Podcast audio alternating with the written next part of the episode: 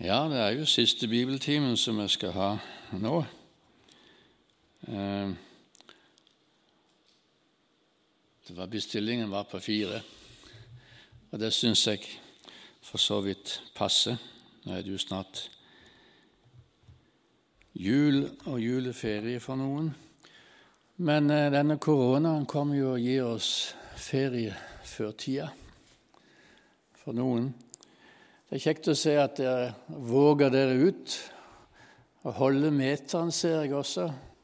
Ehm, jeg skal ha den siste og fjerde bibeltimen. Bli sterke i Herren, i Hans veldige kraft. Feserbrevet, kapittel 6, fra vers 10 og utover. Det vi har vært igjennom nå, det er jo en, eller dere har vært igjennom, og jeg har vært med noe, en reise gjennom Efeserbrevet. Jeg er ikke sikker på hvor langt Einar har kommet ennå, om han holder følge med meg, om han ligger litt bak og tar meg i innspurten, kanskje. Men eh, jeg har kommet til kapittel seks. Og det kapittelet der det må jo også leses på bakgrunn av hva som er sagt i de fem kapitlene foran. Fordi at Paulus slutter med formaninger, og det hadde vi jo om forrige gang. Bli sterke i Herren. Og hvorfor sier han det? Jo, han sier det på basis av det han veit de står i. Bli sterke i Herren i Hans veldige kraft. Tygg litt på det verset i Hans veldige kraft, har de oversatt med på norsk. I Hans styrkes kraft, står det. Det er uh, i Hans styrkes styrke, om du skulle oversette det ordrett. Hans veldige kraft har de da oversatt med på norsk. Ta på Guds fulle rustning. Å bli sterke, det styrke heter på gresk dynamis. Det er det samme ordet som vi har i dynamitt, som betyr eh, styrke. Og det samme ordet som vi har i dynamo, det husker dere jo alle vi hadde på sykkelen for å få lys. Så når han sier 'bli sterk i Herren', så sier han 'gjør bruk av Guds dynamo'.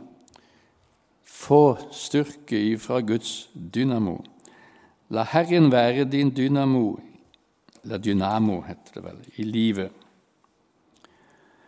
Vi leser fra Feserbrevet kapittel 6, vers 10 til, ut til 18.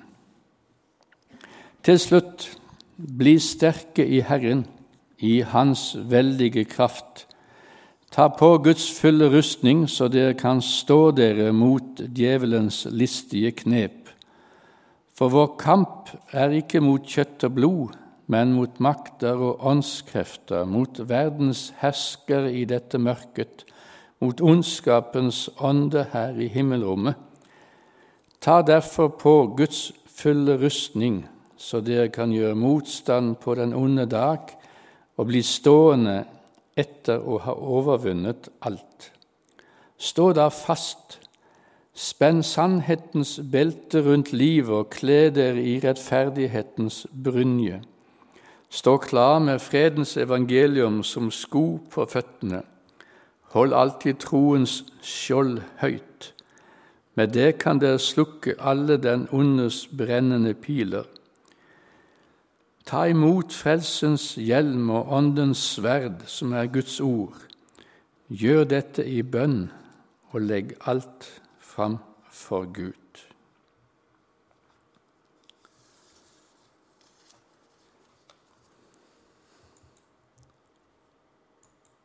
Skal vi se om vi får dette til å virke her.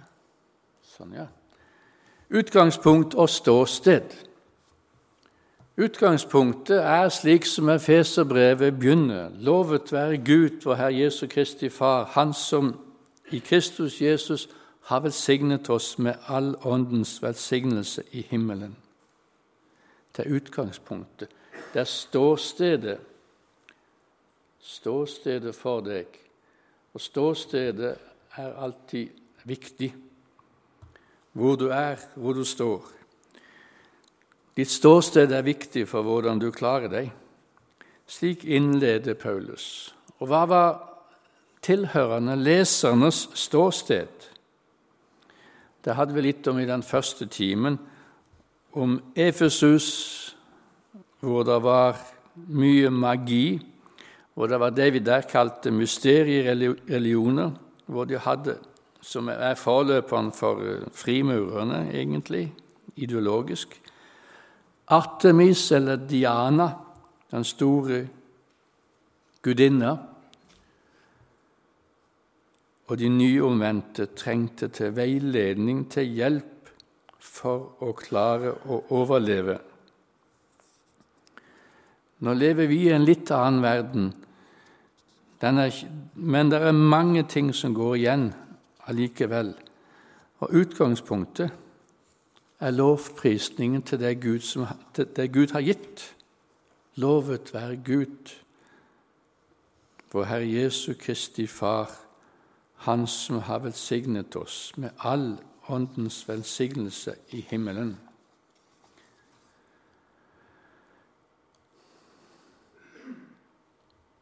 Så har jeg et opplegg da på fire deler. Første spørsmål er er det en kamp. Er det en kamp i vårt liv, i vår tid? Det andre spørsmålet er hvor finner kampen sted? Og det tredje hva er Guds fulle rustning? Og det fjerde handler om seieren.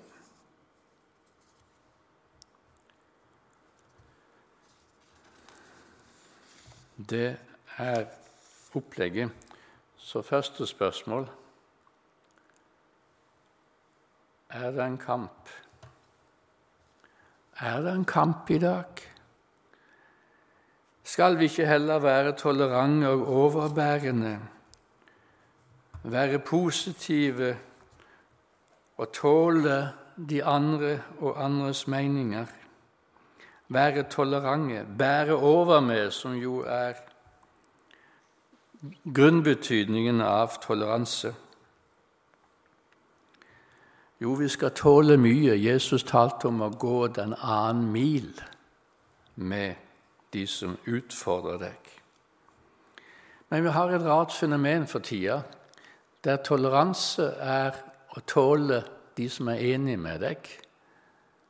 Men det ser ikke ut til å strekke seg og dekke de som er uenige med deg. Det ser vi gang på gang. Uten at jeg trenger konkretisere det, så tror jeg dere kjenner det igjen. At toleransen hos de som hevder å være mest tolerante, ikke er så veldig mer tolerant enn at de godkjenner, tolererer de som er enige med dem. De som har avvikende meninger, for ikke snakke om de som er det som de kaller konservative meninger, de blir ikke tolerert. Og så får vi et, en påstand om at religion det er jo egentlig en privatsak, så den trenger du ikke presentere så mye for meg.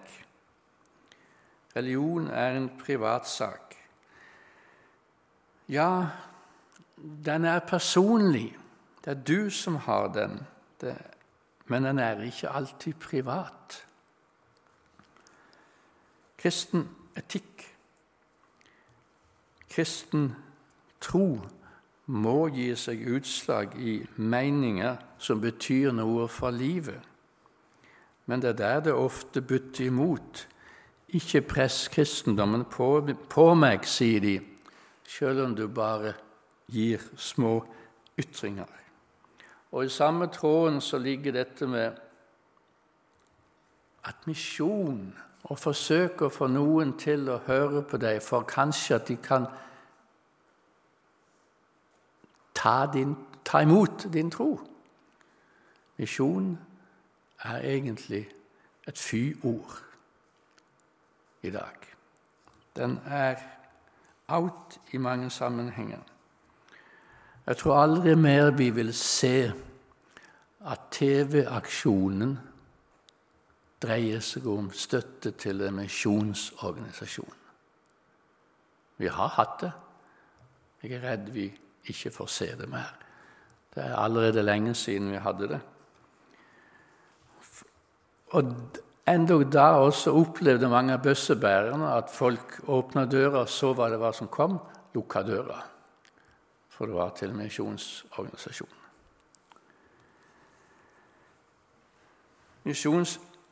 Misjonen er blitt karakterisert og kalt som kulturimperialisme. Vi presser annen kultur nedover de andre. De har det godt slik de er der. Og Nå er ikke misjon tema i kveld, men det er slik. og Jeg har vært på Misjonshøgskolen noen år, og der var det misjon med store bokstaver. Men jeg var også veldig klar over at misjon har blitt anklaga for å være kulturimperialisme, og i en del tilfeller så har de hatt rett. Lenge har jeg stussa over når jeg så gassiske misjonsprester fotografert på Madagaskar i norsk svart prestekjole med pipekrage. Det var da ikke noen drakt som man brukte på Madagaskar. En gammel embetsmannsdrakt man brukte i norsk presteskap i Norge. Så tok man den med til Madagaskar, så kledde man opp gassiske prester i den drakta. Da var de, det var prestedrakta. Det er bare sånn en liten ting som er godt meint, men de som tenkte litt lenger, så at dette er ikke våre klær. Og troa, forkynnelsen, kommer alltid i klær. Det kommer i språk, men det drar med seg kultur, kulturelle ting. Så noe rett har de hatt, men misjon er ikke alt. Men det viser noe av den eh, kamp som det tross alt er rundt oss og iblant oss. Bli sterke i Herren, i Hans veldige kraft. Og Efeserbrevet legger ikke skjul på at det er et misjonsoppdrag. Det kommer vi litt tilbake til.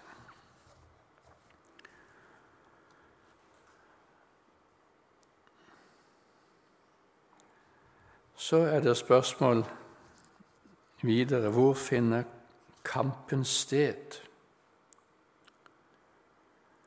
Og jeg har Det er en ytre sted, det er en indre sted, og det er et ytre sted. Men av og til har jeg lurt på er det en motstander vi kanskje har glemt når vi snakker om den kristne kamp. Efeserbrevet 4, 17 er et sted, men Matteus-stedet kommer først. Og Her kommer et sted som bibeloversetterne sliter litt med. Ifra Fader vår, la oss ikke komme i fristelse, men frels oss fra det onde. Men det er faktisk flere oversettelser, i hvert fall tre engelske har funnet, som står Deliver us from the evil one. Fri oss fra den onde. Og jeg er i, i mitt eh, sinn overbevist om, og nå smiler kona mi fordi at dette har vært emnet noen ganger ved kjøkkenbordet, at den rette oversettelsen egentlig er 'den onde'. Sikkert i Fader vår bønn, den siste bønnen, burde vi sagt la oss ikke komme i fristelse, men fri oss fra den onde. The evil one. Hvorfor kan han si det? Jo, fordi at på norsk så blir det enten det onde, som er intetkjønn, eller den onde, som er hankjønn. Men i grunntekster på gresk lar ikke interkjønn og hankjønn de, de er like. Det går ikke an å skille dem.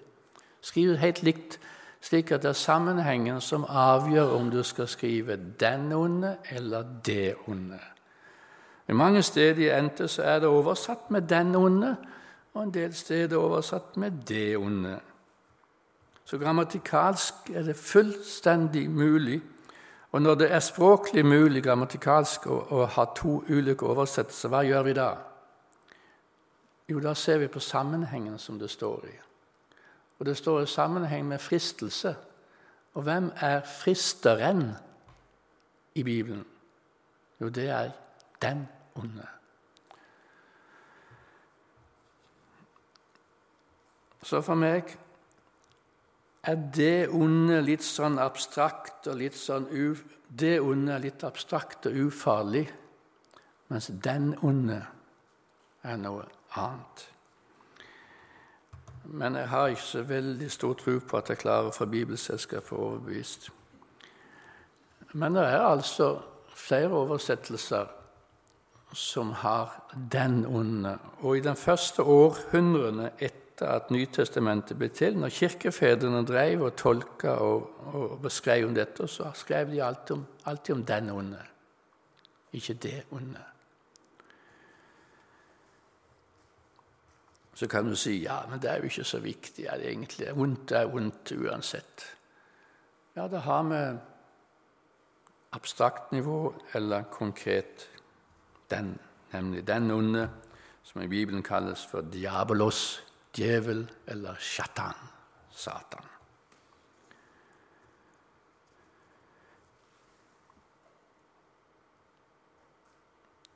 Hvis vi går til Feserbrevet, da, så har det Gi ikke djevelen rom.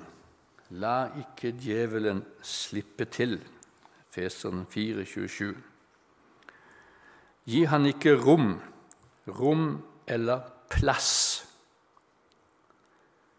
Toppos på gresk. Det kan også oversettes med anledning. Gi ikke den onde anledning i ditt liv. Rom, space, plass, anledning. En engelsk oversettelse har faktisk her oversatt med 'foothold'. Gi han ikke fotfeste i ditt liv. Og det er en annen oversettelsesmulighet også. Det har sagt det før, og jeg sier det igjen. Greske språk er mye mer rikere enn det norske. Det er mye mer variasjonsmuligheter, oversettelsesmuligheter. Det kan bety emne eller tema.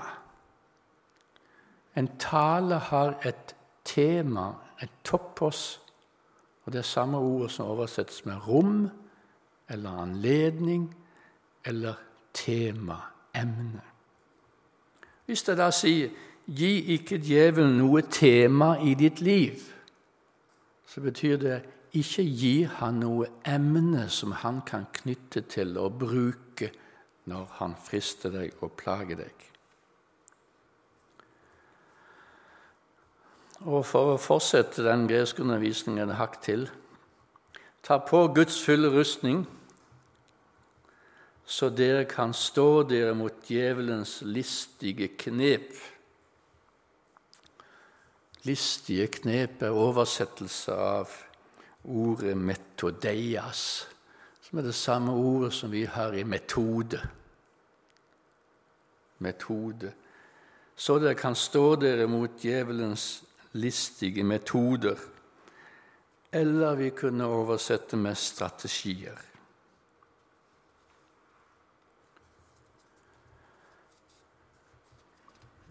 I Det nye testamentet er den onde en levende realitet som språket gir uttrykk for, er en personlig skikkelse med metode som knytter til anledninger, til temaer, til rom, til et sted i ditt liv hvor han får slippe til. Så det er en indre kamp som Paulus ber om at vi må ta på Guds rustning.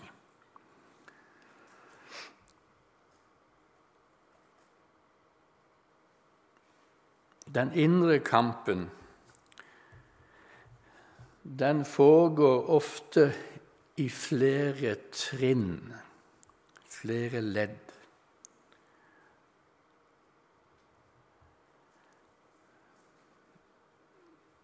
Så en tanke høst en handling Så i betydningen plant, altså.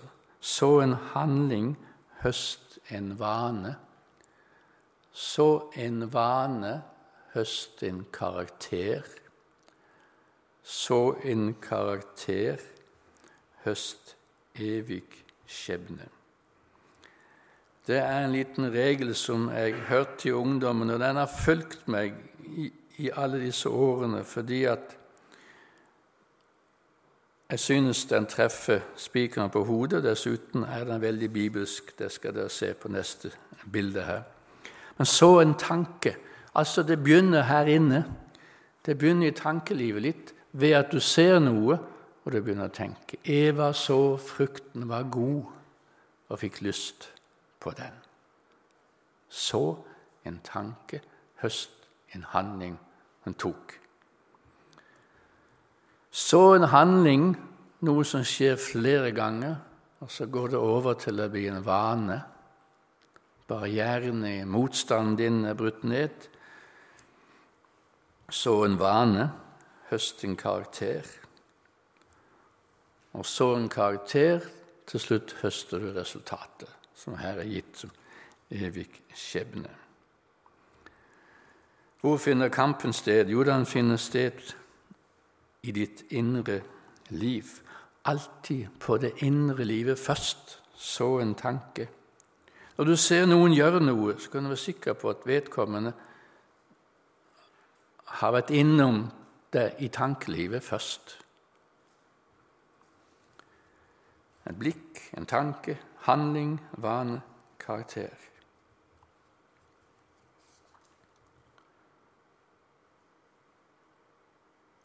Ingen som blir fristet, sier Jakob, må si det er Gud som frister meg. For Gud fristes ikke av det onde, og selv frister han ingen. Den som blir fristet, lokkes og dras av sin egen lyst. Når lysten er blitt svanger, føder den synd, og når synden er moden, føder den død. La dere ikke føre vill, mine kjære søsken. Det er jo akkurat det samme Jakob her sier. Så en tanke, høsten handling, så en handling, høsten vane, osv. Den som blir fristet, lokkes og dras av sin egen lyst.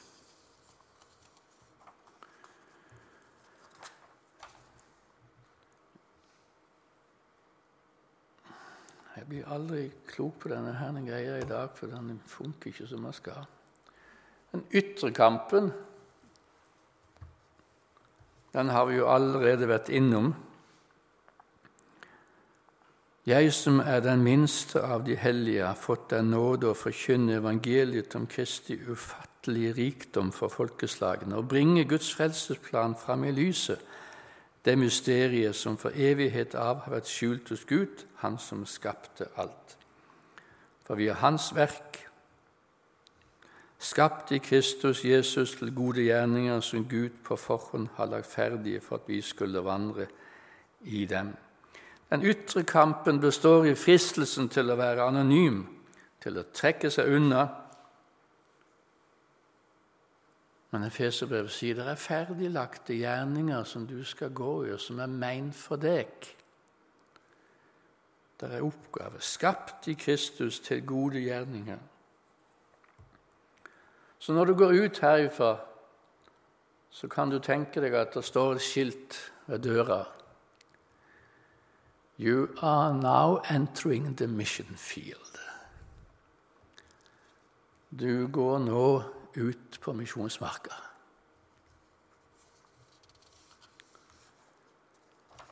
Og da er vi kommet til rustningen.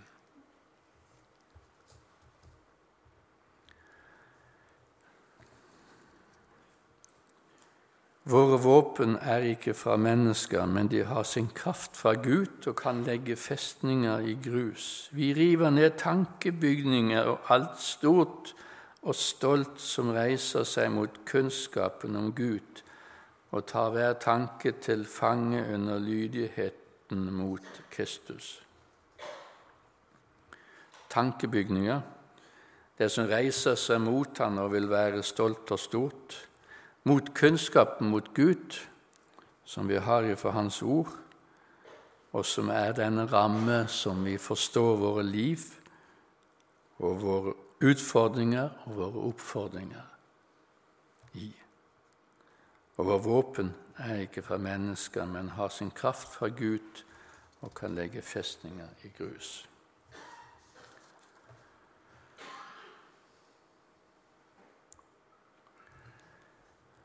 Da har Efeserbrevet noen, noen avsnitt om Guds rustning. Og den rustningen som der beskrives, det er en rustning for nærkamp. Det er ikke rustning der du står et sted og kjemper mot noen som er langt borte. Det er rustningen for nærkamp. Og det er der kampen finner sted, rett rundt deg, mot deg. Han har ikke spyd til å kaste, f.eks., men han har sverd til å slåss med. Det er nærkamp. Stå fast, spenn sannhetens belte rundt livet, og kle dere i rettferdighetens brynje. Beltet det som holder rustningen på plass, holder den sammen. Uten sannhet rakner det alt sammen hvis ikke vi taler sant. Hvis noen av våre tilhørere, ikke-kristne venner, hører at du ikke snakker sant, da nytter det ikke hvor mye du vitner, når de kan plukke og si 'det er ikke sant, det du sa'. Sannhetens belte i videre forstand så det er klart at Paulus her mener sannheten også er evangeliet. Men det dreier seg også om vår tale, vår forkynnelse, vår etikk, vår politikk, vårt liv.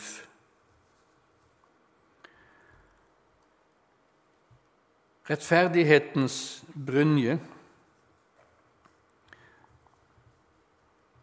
Rettferdigheten er den rettferdigheten vi har fra Gud som et vern, som også er et forsvarsmiddel for å beskytte oss, en brynje. Alle anklager om at vi ikke er gode nok, at vi ikke får det til slik vi burde, preller egentlig av mot denne brynjen hvis vi lever i sannhet.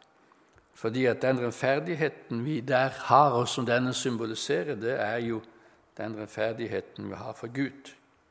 Som erkjenner den som setter sin lit til Jesus for å være rettferdig. Den gamle sangen 'Ren og rettferdig, himmelen verdig, er jeg i verdens frelser alt nu'. Ordet forkynner at mine synder kommer han aldri mere i hu. Og jeg er frelst og salig fordi Sønnen har gjort meg virkelig fri. Fri ifra vreden, dommen og døden. Amen. Halleluja.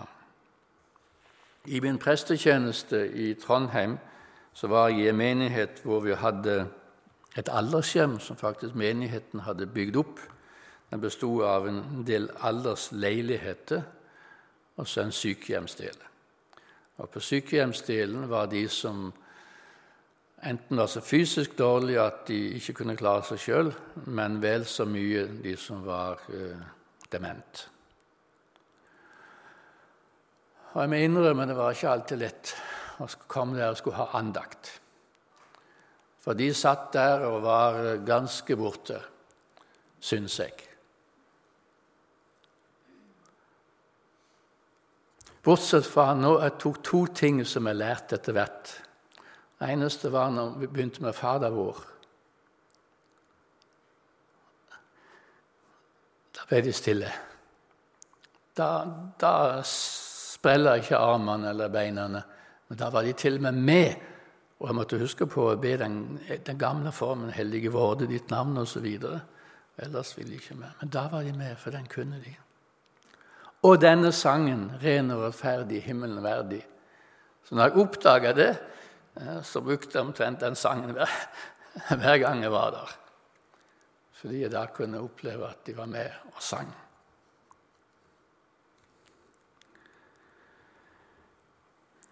Rettferdighetens brynje. Ufortjent av Hans nåde blir vi kjent rettferdige, frikjøpt i Jesus Kristus.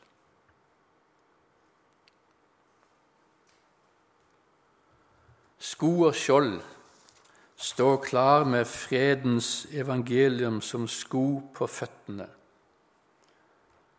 Ehm, nå skal det være lite bilde der av skoene. men Jeg vet ikke om dere ser det, men dette er en form for soldatsandale. Og de hadde en masse pigger under seg, slik at du skulle stå støtt i nærkampen, ikke skli, ikke miste fotfestet Stå klar med fredens evangelium som sko på føttene. Paulus hadde hatt god kontakt med soldatene, han visste hvordan de var kledd. Sko med pigger for å stå støtt. Det var det fredens evangelium som representerte. Hold alltid troens skjold høyt med det kan dere slukke alle den ondes brennende piler. Og Det skjoldet her er snakk om, var ganske stort. Det skal være fire ganger to og en halv fot i størrelse, kledd med skinn utapå, som du da kunne fukte med vann, slik at hvis fienden brukte brennende piler, så ville de slukke på skjoldet. Dette har dere sett på gamle indianerfilmer, hvordan de brukte piler med flammer flamme på. Her også brukte de det. Slukke alle den ondes brennende piler med et skjold. Og så står det 'hold troens skjold høyt'. Hold det oppe der det beskytter deg. Ikke la det stå der nede. Bruk det. Bruk troens skjold som det forsvarsvåpen det er. Og I Efesus var faktisk Diana, denne store gudinne som de der hadde, kjent som en bueskytterske. Slik at akkurat dette bildet her fikk en veldig bestemt mening i Efesus. Hold troens skjold mot Dianas buer. Og troens skjold er det vern som troen gir. Du dekker ham med nåde som et skjold, står det i, i Salme 5, vers 13. Du dekker ham med nåde som et skjold.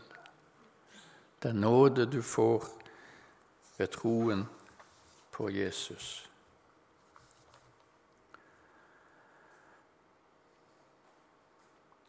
Frelsens hjelm. Ta imot frelsens hjelm med håpet om frelse som hjelm. Her tror jeg nok vi også kunne tenke på tankelivet, bevisstheten, trosvissheten. Troen som det er vårt håp.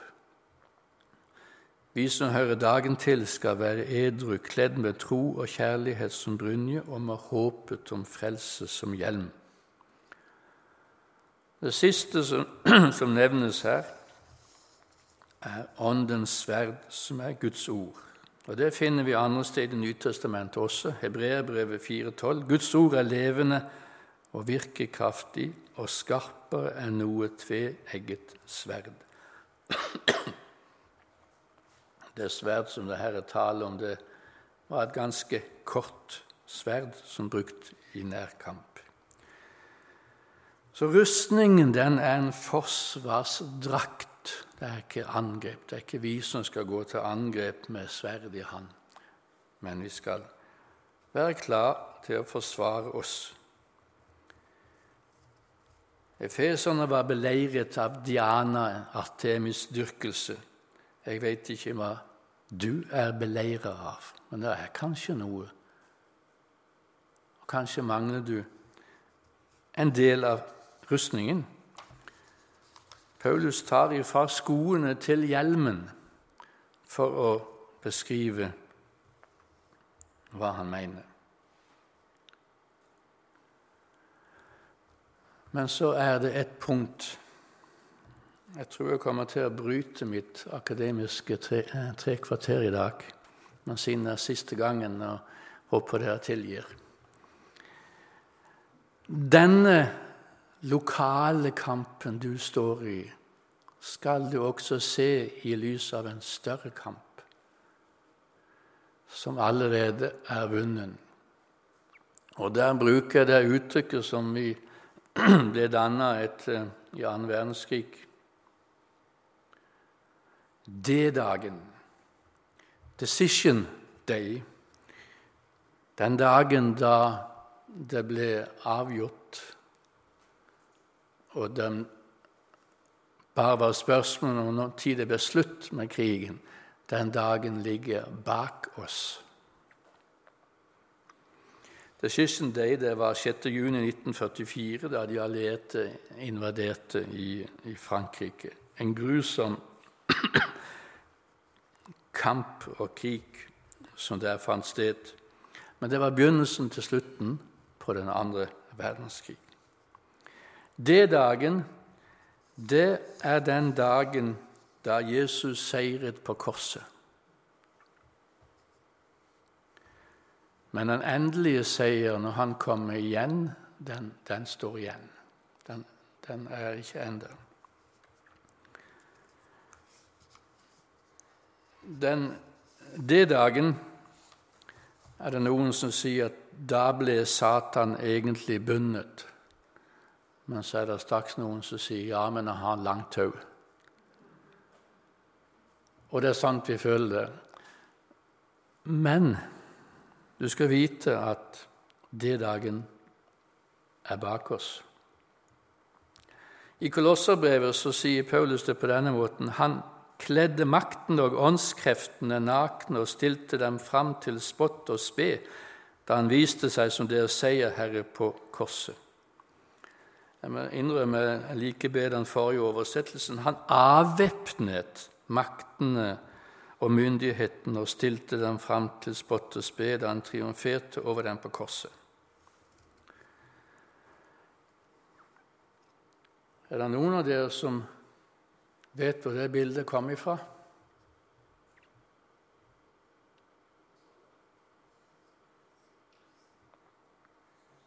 Det står jo på skjermen, så dere burde jo vite det. Men det står med litt små bokstaver. 'Passion of Christ'. Den filmen som gikk i 2004, en, som gikk på kinoene våre her, og som stort sett bare dreide seg om eh, Jesus' siste timer, Jesu eh, pine.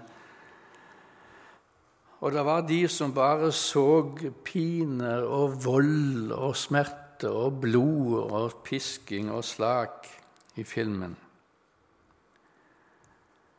Og det var det ganske mye av. De gjorde seinere og kutta ut åtte minutter, men det var ingen som merka at de åtte minuttene var borte, for det var mer enn nok liksom allikevel. Men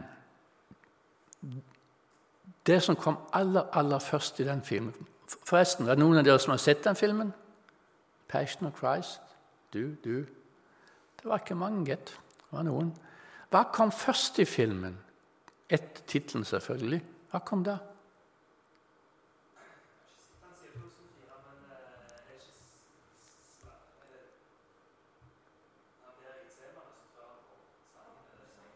Nei, det kom et bibelvers. Det kom et bibelvers. Ikke så lenge, men nok til at du fikk det med. Det bibelverset er hele inngangsporten til å skjønne filmen.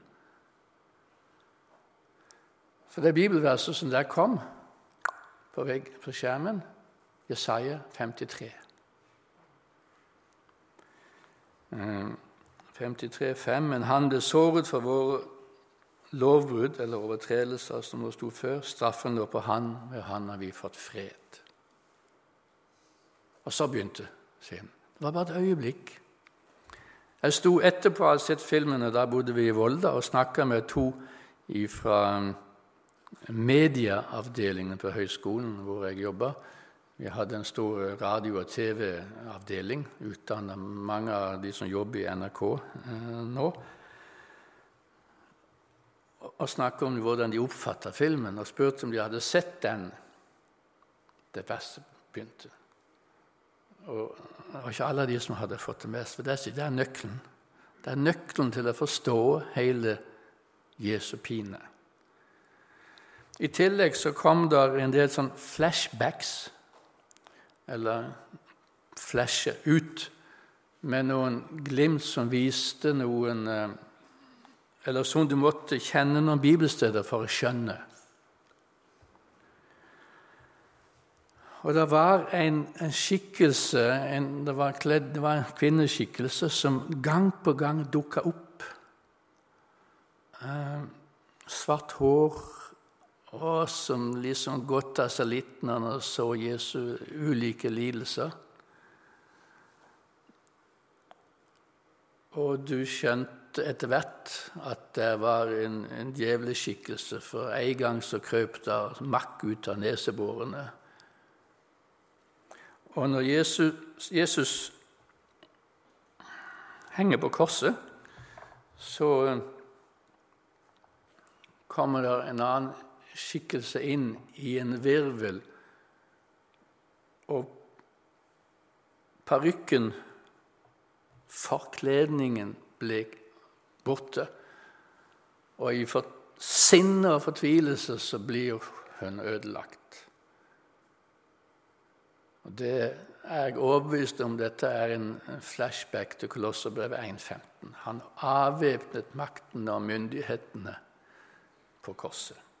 Den som hele tida hadde vært og, og, lurt i bakgrunnen, ble der eh, avmaskert, avvæpnet, stilt fram til spott og spe da han viste seg som seierherre på korset.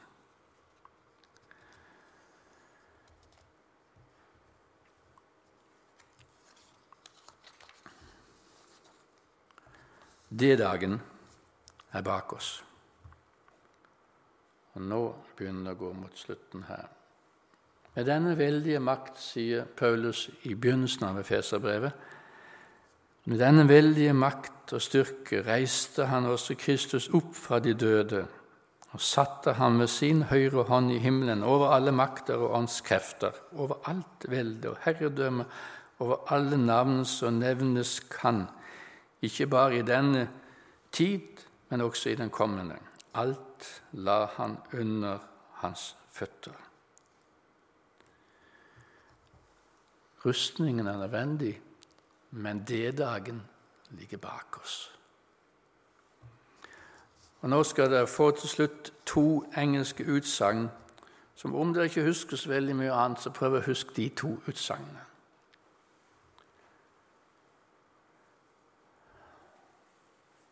Det første er fra en sang, og det er jo omskrevet av bibelvers. I can see my future, but he can see my past. Jeg kan ikke se min framtid, men han, underforstått Gud, kan ikke se min fortid. Tenk på det. Jeg er den som utsletter dine lovbrudd, og dine synder minnes jeg ikke mer. Jesaja 43, 25. Og det fins andre liknende. Jeg utsletter dine synder som en tåke borte.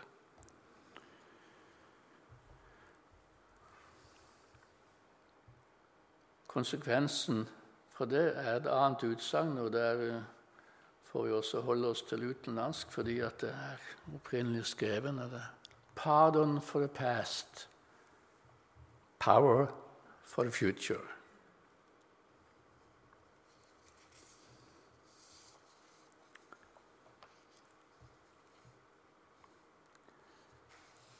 så er stedet i Efeserbrevet om Guds rustning viktig fordi det dekker hele vårt kropp, hele vårt liv.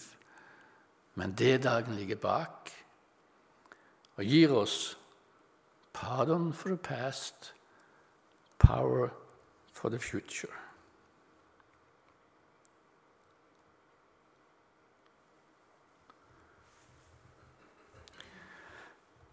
Og Da skal jeg avslutte med lovet være Gud, vår Herre Jesu Kristi Far, Han som i Kristus har velsignet oss med all åndens velsignelse i himmelen. Måtte det bli fylt av hele Guds fylde, Han som virker i oss med sin kraft og kan gjøre uendelig mye mer enn det vi ber om og forstår. Ham være ære i Kirken og i Kristus Jesus gjennom alle slekter og evigheter. Pardon for the past, power for the future.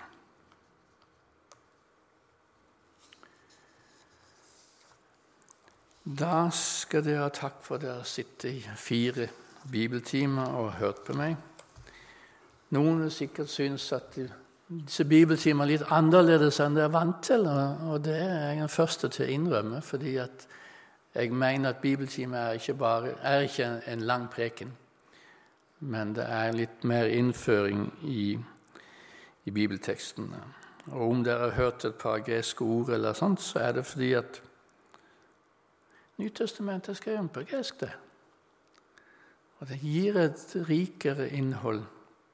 Og jeg er tross alt en teolog. Man liker å lese det slik.